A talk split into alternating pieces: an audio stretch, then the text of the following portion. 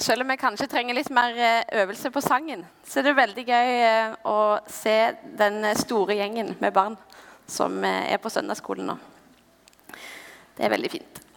Hvis det er noen som lurer på hvem jeg er, og ikke vet det, så heter jeg Margunn. Gift med Sunn Morten. Bor på Fjellaug, på Sinsen. Jeg har tre barn. Nå fikk dere se en av de her. Og så har jeg Julie og Mina i tillegg til William. Jeg skal lese teksten fra Matteus 5, 38-48. Og vi kan reises. Dere har hørt det er sagt øye for øye og tann for tann. Men jeg sier dere, sett dere ikke til motverge mot den som gjør ondt mot dere. Om noen slår deg på høyre skinn, så vend også det andre til. Vil noen saksøke deg og ta skjorten din, så la ham få kappen også. Om noen tvinger deg til å følge med én mil, så gå to med ham. Gi til den som ber deg, og vend ikke ryggen til den som vil låne av deg. Dere har hørt det er sagt, du skal elske din neste og hate din fiende. Men jeg sier dere, elsk deres fiender. Velsign den som forbanner dere, gjør godt mot dem som hater dere, og be for dem som mishandler dere og forfølger dere. Slik kan dere være barn av deres far i himmelen. For han lar sin sol gå opp over onde og gode, og lar det regne over rettferdige og urettferdige. Om dere elsker dem som elsker dere, er det noe å lønne dere for. Gjør ikke tollerne det samme? Og om dere hilser vennlig på deres egne, er det noe storartet? Gjør ikke hedningene det samme? Vær da fullkomne, slik deres himmelske Far er fullkommen. Vær så god, sitt. Kjære Jesus, vi priser deg, og vi opphøyer ditt navn. Takk for at du møter oss og taler til oss i ordet ditt. Og jeg ber om at du kommer og gjør det nå i dag. Tal inn i hjertene våre og form oss, Jesus, etter ditt bilde. I det, ditt navn. Amen. Kong Salomo han fikk fra Gud at han kunne be om hva han ville, og så skulle han få det. Og Kong Salomo han ba om visdom, et ønske som Gud hadde behag i, og han fikk det. Hvis du hadde fått et valg om at du kunne be om hva du ville av en personlighetsendring, hva ville du ha valgt da? Jeg tror Hvis jeg hadde fått det spørsmålet, så hadde jeg tenkt fullkommen. Det, det har jeg lyst til å være. Og så er det litt vanskelig å se for seg hva Gud hadde gjort hvis Salomo hadde sagt det. For hvordan skulle han eh, ja, Kan vi ha andre fullkomne mennesker på jord enn Jesus? Og nå slapp Gud å ta stilling til det, for det var ikke det Salomo sa. Og enn så lenge så har ikke jeg fått samme muligheten som Salomo til å velge hva jeg ville. Men fullkommen Tenk å være fullkommen. Som menneske, som venn, som kone, mor, som kollega, nabo. Og Når jeg tenker på ordet 'fullkommen', så får jeg flere assosiasjoner. I vår tid og i vår kultur så tror jeg at vi har blitt ganske bevisste på, iallfall i min generasjon, på å formidle at vi er ikke fullkomne. Generasjon prestasjon, som jeg er en del av, eh, del av eh, har fått en motvekt der vi har blitt veldig opptatt av å eh, vedkjenne oss vår skrøpelighet. Eh, og vi kan formidle at du er god nok sånn du er. Eh, eh, ja, At vi liksom skal få hvile i det. Og Samtidig så opplever jeg et samfunn hvor vi er så enormt opplyst, og vi har så mye informasjon på veldig mange områder i livet, at vi, selv om vi formidler at Slapp av. Du er god nok som du er.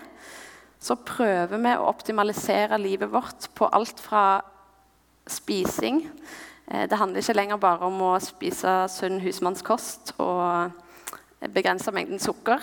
men det handler om å bake med surdeig og fermentere. Og Det siste jeg ble liksom gjort oppmerksom på, var at nå skal du helst bare spise mellom 12 og 6 på dagen, for det er det beste for kroppen din. Og Som småbarnsmor så føler jeg at jeg har kommet inn i et univers av altså Det er ikke tall på hvor mange eh, måter vi kan optimalisere livet som foreldre på. Det handler om at eh, barna kan ikke gå med sko som er brukt. Eh, og det handler om eh, soving sånn og sånn, mat. Hvordan vi skal møte dem når de blir sinte, hvordan vi ikke skal bli sinte. ja. Så, og jeg opplever at eksperter og influensere og alle de som formidler kunnskap, de er både veldig opptatt av å si du er god nok, alt kan repareres, eh, ingen er perfekte. Samtidig som jeg, jeg tror vi baler rundt og prøver å optimalisere eh, livet. Og være fullkomne i så stor grad som vi overhodet klarer det. Og dette jaget etter det uperfekte og det fullkomne, det sier meg noe. Og jeg tror ikke det er bare å le av at jeg skulle ønske at jeg var fullkommen. For når Gud skapte mennesket, så skapte han oss i sitt bilde. Gud er fullkommen, og han skapte oss til å leve sammen med han i den fullkomne hagen Eden. Det var der vi var meint til å være. Det var sånn det var tenkt til å være, at alt skulle vært fullkomment. Og Derfor tenker jeg at det er ikke så rart at vi higer og jager etter det som er fullkomment. Det står i Forkynneren 3,11 at alt skapte han vakkert, hver ting til sin tid. Ja, alle tider har han lagt i menneskenes hjerte, står det. Og samtidig, pga. at synda kom inn i verden, så er det ingen mulighet for at vi klarer å oppnå den fullkommenheten som vi var skapt til å leve i. Og vi som tror på Jesus, vi vet dette fordi at Gud har sagt det til oss. Det står i Bibelen at alle har synda og står uten ære for Gud. Så vi er klar over det eh, og vet det. Men når jeg ser på samfunnet rundt meg eh, og på denne verden, så blir det så tydelig at eh, vi går rundt her og strever og prøver å oppnå fullkommenhet. Og så klarer vi det ikke. Eh, I en eldre oversettelse av det verset fra Forkynneren så står det at eh, Gud har lagt evigheten ned i menneskenes hjerter. Og Mange har tolka det til at det er en bit av evigheten i oss alle som gjør at vi lengter etter det som vi var skapt. Vi går rundt og ønsker fullkommenhet. Både vi som er her inne, men òg verden rundt oss. Ok, Så vi er skapt til fullkommenhet. Men synda som kom inn i verden, har gjort det helt umulig for oss å leve i den fullkommenheten som vi ble skapt til. Og så kommer Jesus sine ord i dagens tekst, der han sier 'Vær da fullkomne'. Jeg har en tidligere kollega og ei som har blitt ei god venninne av meg, som er muslim. Og både hun og hennes muslimske eh, venn de har begge spurt meg ja, men nåde Hvis du blir tilgitt uansett, fører ikke det Eller hvorfor skal du da holde budet? Og det er ikke en ny tanke. De er ikke de første som stiller spørsmål om det. Og Paulus tar det spørsmålet opp i romerbrevet og sier at selvfølgelig ikke Selvfølgelig skal vi ikke fortsette å synde pga. Eh, av at vi har fått nåden. Men i møte med Jesus sine ord så kan jeg bli litt sånn Hva mener du med dette, Jesus? Dette er jo umulig. Sier du dette for at vi skal holde det, eller sier du det bare for å vise oss standarden her oppe som vi ikke klarer å leve etter? Er det lov, eller er det evangelium? Og jeg tror at vi skal tenke at det er begge deler. Når jeg skulle begynne å forberede denne talen, så kjente jeg liksom på det at oh, verden fullkomne. Og jeg følte meg langt fra fullkommen akkurat da. Og i det så får vi lov å tenke at det er nåde. Um, det er ikke et krav om at vi skal bli eller være fullkomne i kraft av oss sjøl. Eh, men Jesus han leste og levde etter loven i Gamle Testamentet. Og tidligere i bergprekenen, før disse versene som vi har om, så sier han at han er ikke kommet for å oppheve loven, men han er bare kommet for å oppfylle den. Og Når Jesus deretter tar fram flere ting som er nevnt i loven i Det gamle testamentet, så utvider han eh, altså Så setter han standarden enda høyere. Og så er det kanskje en måte å vise oss på hvordan loven skulle oppfylles. Og Jesus er tydelig og sier at eh, den som opphever et eneste av disse minste buda og lærer menneskene det, han skal regnes som liten i himmelriket. Men den som holder de og lærer andre å gjøre det samme, han skal regnes som stor. Men det er en vesentlig forskjell mellom oss og muslimene. Mellom oss og de jødene som bare hadde loven, men som ikke trodde at Jesus var Messias. Og det er en vesentlig forskjell mellom oss og de menneskene som vi ser rundt oss, som strever etter å optimalisere livet og prøve å være så fullkomne som de bare kan i egen kraft. For vi tror på en som levde det fullkomne livet for oss når han oppfylte loven, og som gjennom det har gitt oss adgang igjen til den fullkomne Gud og ta del i Hans rike, der som vi var skapt til å være fra begynnelsen av. Så tror jeg at det er to grøfter som vi fort kan havne i i møte med en sånn tekst. Det ene er at vi kan tenke at men dette her klarer jeg jo ikke uansett. Så da er det ikke vits å prøve. Vi kan bli så opptatt av vår synd og vår elendighet at vi blir passive i forhold til Guds ord og Guds bud. Og jeg har av og til tenkt at ah, men kan noen snakke om det kristne livet? Av og til har jeg tenkt at vi kommer liksom ikke videre fra å snakke om hvor dårlig det står til med oss. Og For meg var det en befrielse å komme på bibelskole på Hawaii når jeg var 19 år, der fokus var nettopp på hva vil det si å være en disippel av Jesus og leve kristenlivet. Og så er det en annen grøft eh, der vi kanskje kan være så opptatt av det nye livet i Den hellige ånd at vi glemmer at vi fortsatt har med oss vår syndige natur. Og En sånn måte å tenke om det på kan føre til at vi ikke vedkjenner oss eller erkjenner synd, og det kan få svært uheldige konsekvenser i både vårt eget liv og overfor andre hvis vi ikke eh, kan deale med de tingene som ikke er etter Guds vilje i våre liv. Jeg har lyst til å lese opp noen vers fra ulike brev i Nytestamentet som jeg håper kan hjelpe oss litt til å ikke havne i en av disse to grøftene, men en plass eh, midt mellom. I Romerne 6 skriver Paulus vi blei ble begravd med Han når vi blei døpt med denne dråpen til døden. Og som Kristus blei reist opp fra de døde ved sin fars herlighet, skal også vi vandre i et nytt liv. På, på samme måte skal dere regne dere som døde for synda, men som levende for Gud i Kristus Jesus. Kolossene 3. Er dere da reist opp med Kristus, så søk det som er der oppe.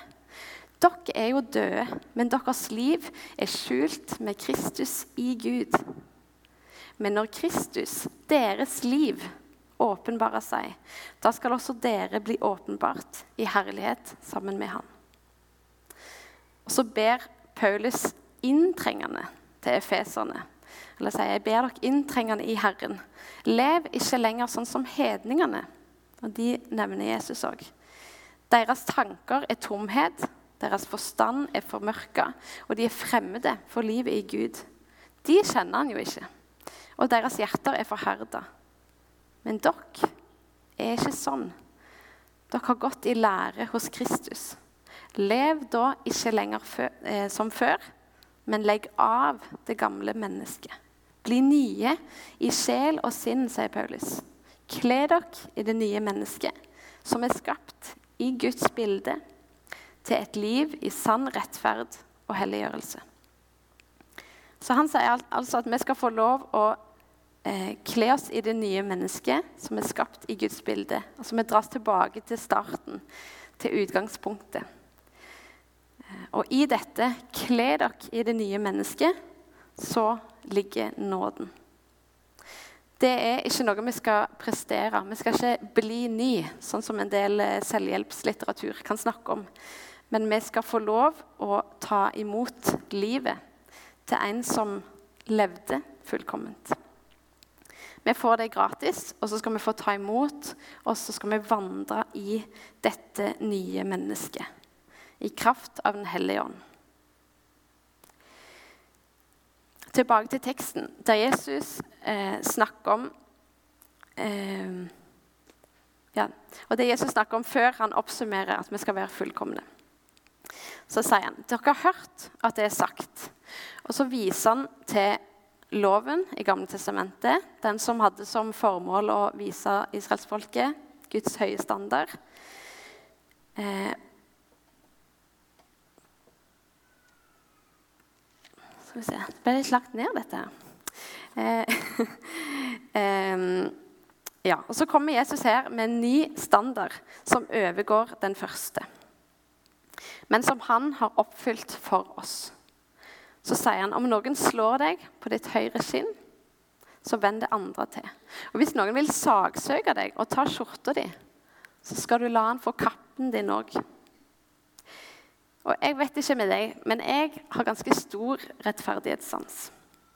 Jeg tenker at rett skal være rett, enten det handler om skatteregler, som jeg eh, ja, Det var plutselig noen som begynte å snakke om noen skatteregler på jobb som jeg mener ikke stemmer helt. Eh, eller det skulle være en eller annen tvist der noen mener at de har rett på noe som jeg tenker at jeg har krav på. Men i møte med Jesus sine ord så går det opp for meg at han og hans rike det er så annerledes. Det er et opp-ned-rike hvor det er helt andre spilleregler enn de vi er vant til og blir lært opp i i vår verden. Gi til den som ber deg og vend ikke ryggen til den som vil låne av deg. Gjør du dette? Jeg skal ærlig innrømme at jeg går forbi de fleste gangene jeg ser tiggere i byen.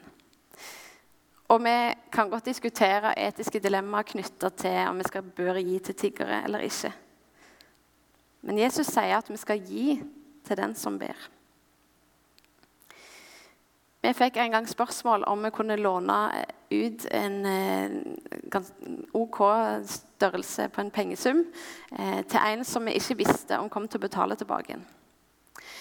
Og I det vi drøfta dette mellom oss, så tror jeg faktisk vi leste disse versene eh, om at du skal ikke vende ryggen til de som vil låne deg. Og For oss så ble det litt sånn Vi har ikke noe valg. Vi er helt nødt til å låne ut de pengene. Og det gikk bra, vi fikk pengene tilbake igjen. Eh, men poenget er at Jesus her sier noe om pengene våre som jeg tror vi av og til holder litt for godt fast på. Og Så kommer vi til det som kanskje er det vanskeligste. Elsk deres fiender. Og så syns jeg det er interessant når Jesus eh, resonnerer og sier sånn Men hva er det? Eh, er det noe liksom, Hvis dere elsker de som elsker dere Det gjør jo alle. Det er liksom ikke noe annerledes. Men vi skal elske de, eh, eller elske fiendene våre. Og der igjen så ser vi hvordan Jesus er så totalt annerledes enn verden som vi lever i. Og det er helt umulig for oss å klare dette i egen kraft. Men vi har fått Den hellige ånd. Eh, Kristus lever i oss, og det er utgangspunktet for at vi skal leve liv som er annerledes.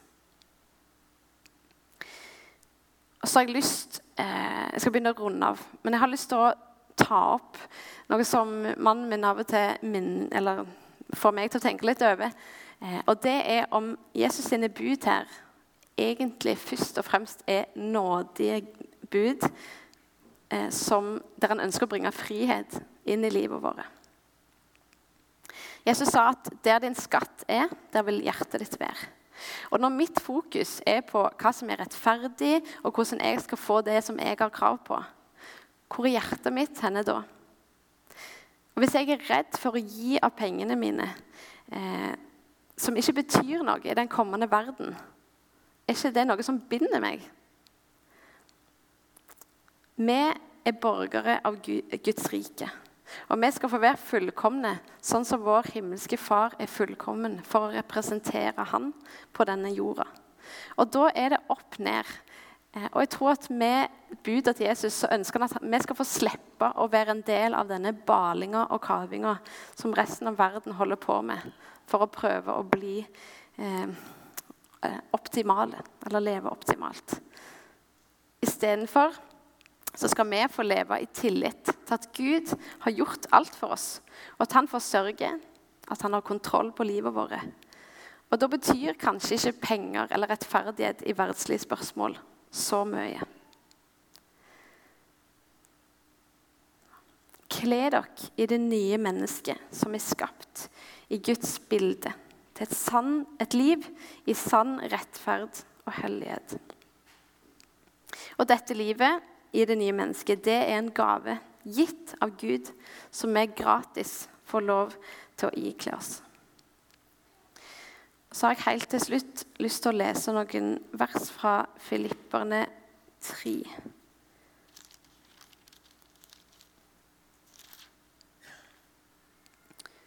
Fra vers 8. Bare jeg kan vinne Kristus og bli funnet i Han ikke med min egen rettferdighet, den som loven gir, men med den rettferdigheten jeg får ved troa på Kristus. Det er rettferdigheten fra Gud bygd på tro. Da kjenner jeg Han og kraften av Hans oppstandelse. Jeg får del i Hans lidelser og blir Han lik når jeg dør som Han. Måtte jeg bare nå fram til oppstandelsen fra de døde. Jeg mener ikke at jeg alt har nådd dette, eller alt er fullkommen. Men jeg jager fram mot det for å gripe det, fordi jeg sjøl er grepet av Kristus. Mine søsken, jeg tror ikke at jeg sjøl har grepet dette. Men én ting gjør jeg. Jeg glemmer det som ligger bak, og strekker meg etter det som er foran. Og jager fram mot målet mot den seiersprisen som Gud fra det høye har kalt oss til i Kristus Jesus. La oss tenke sånn, alle vi som har nådd fram til modenhet.